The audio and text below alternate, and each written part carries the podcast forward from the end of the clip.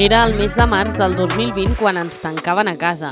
Una pandèmia mundial recorria tots els països arrasant. Poc ens esperàvem que allò que havia de passar en dues setmanes s'allargués gairebé dos anys i anés precedit d'una pandèmia relacionada amb la salut mental.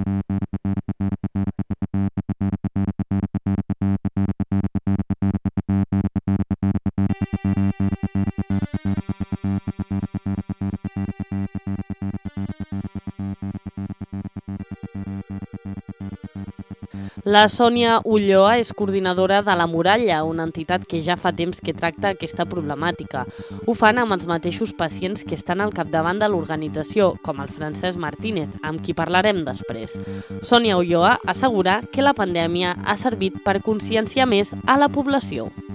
Sí, la veritat que això sí que ho hem notat molt arran de la pandèmia, perquè la salut mental sempre ha sigut la gran oblidada, sempre hem estat a la cua de totes les malalties i, bueno, i sembla com que la gent s'amagava, no? que no volia explicar i, bueno, i només sortien notícies dolentes no? de la salut mental, que això és el que ajudava a crear més estigma sobre aquest tema.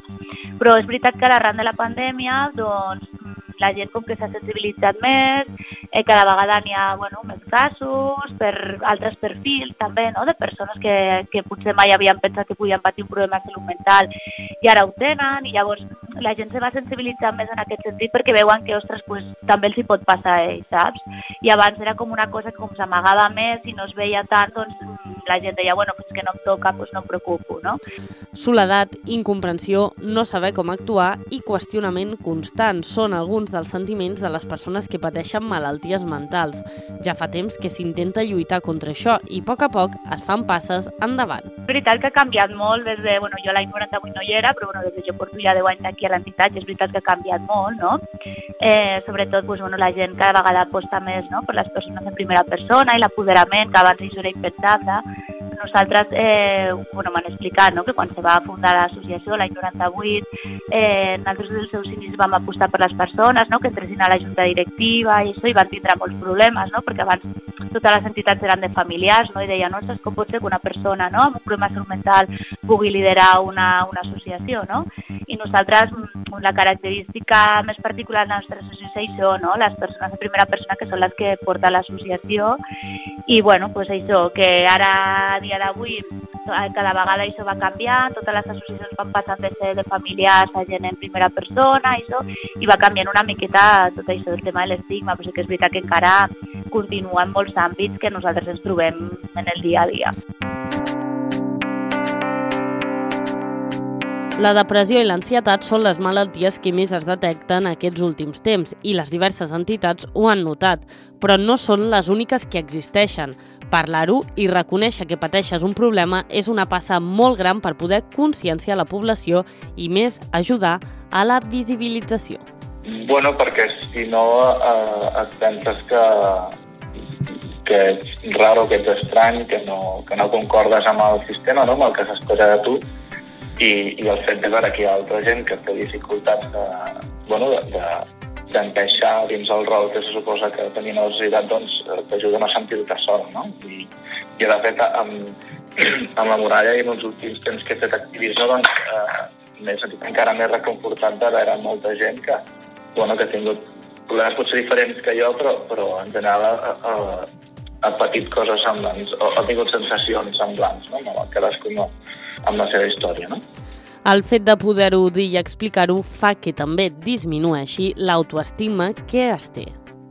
Sí, la veritat és que sí. Jo, de fet, no sabia el que era fins fa potser un any i pico, quan he començat a fer activisme, no?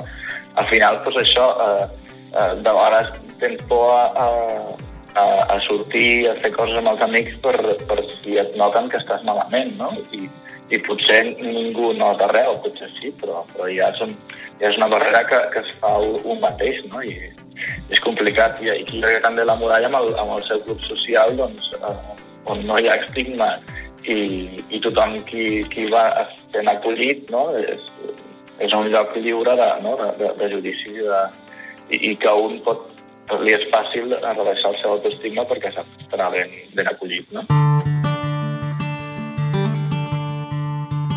Sembla que a poc a poc les institucions i la ciutadania en general cada cop agafen més conscienciació i visibilitzen més aquests tipus de problemes, cosa que és positiu sobretot per les persones que ho pateixen. Bueno, jo ho he patit, no? Uh, uh, jo anava molt perdut, jo no sabia què et passava i no tenia cap referent, no? I jo penso que sí que és veritat que penso fins i tot una mica abans de la pandèmia ja es començava a parlar més, no? I ara, doncs, en la pandèmia ha sigut un gran impuls, no? I, i, i bueno, doncs, doncs eh, també ajuda doncs, que hi ha persones referents. Eh, ara penso, per exemple, en l'Àngel Martín, que té un llibre. També des de la política s'està apostant per parlar de, de salut mental, que no s'havia fet mai. Llavors, crec que és un bon moment perquè estiguem entre tots per, per fer visible que, segons l'OMS, una de quatre persones eh, de la població mundial tindrà un problema de salut mental a la seva vida, llavors són molts.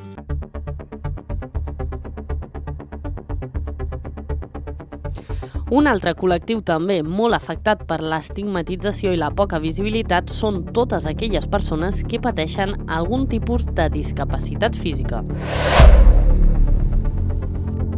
Era l'any 1991 quan naixia una entitat a Tarragona en forma de camp de treball, amb la intenció que totes aquelles persones amb mobilitat reduïda, especialment les que vivien a la residència de Sant Salvador, poguessin participar a les festes de Santa Tecla. L'impuls de tot plegat el va fer l'Ajuntament de la ciutat i una de les persones que estava involucrada i que és activista cultural i per la visibilització és Roma Soler. Al llarg dels anys tot ha anat evolucionant i s'han convertit en una penya festiva, però amb uns objectius molt clars, la visibilització. Perquè, eh, o sigui, que forma, jo dic que forma part de la realitat de la societat, la discapacitat. Jugant una mica amb les paraules, dic que, eh, tot i que provenen possiblement d'accidents, la discapacitat no és un, accident, és un, és inherent a la vida a la, a, i a la societat. Sempre hi haurà eh, la possibilitat eh, que algú vi, visqui la discapacitat. I quan això sigui, no només la, la viurà la persona, sinó que la viurà la família i l'entorn. Eh, aquest és el missatge que volem transmetre.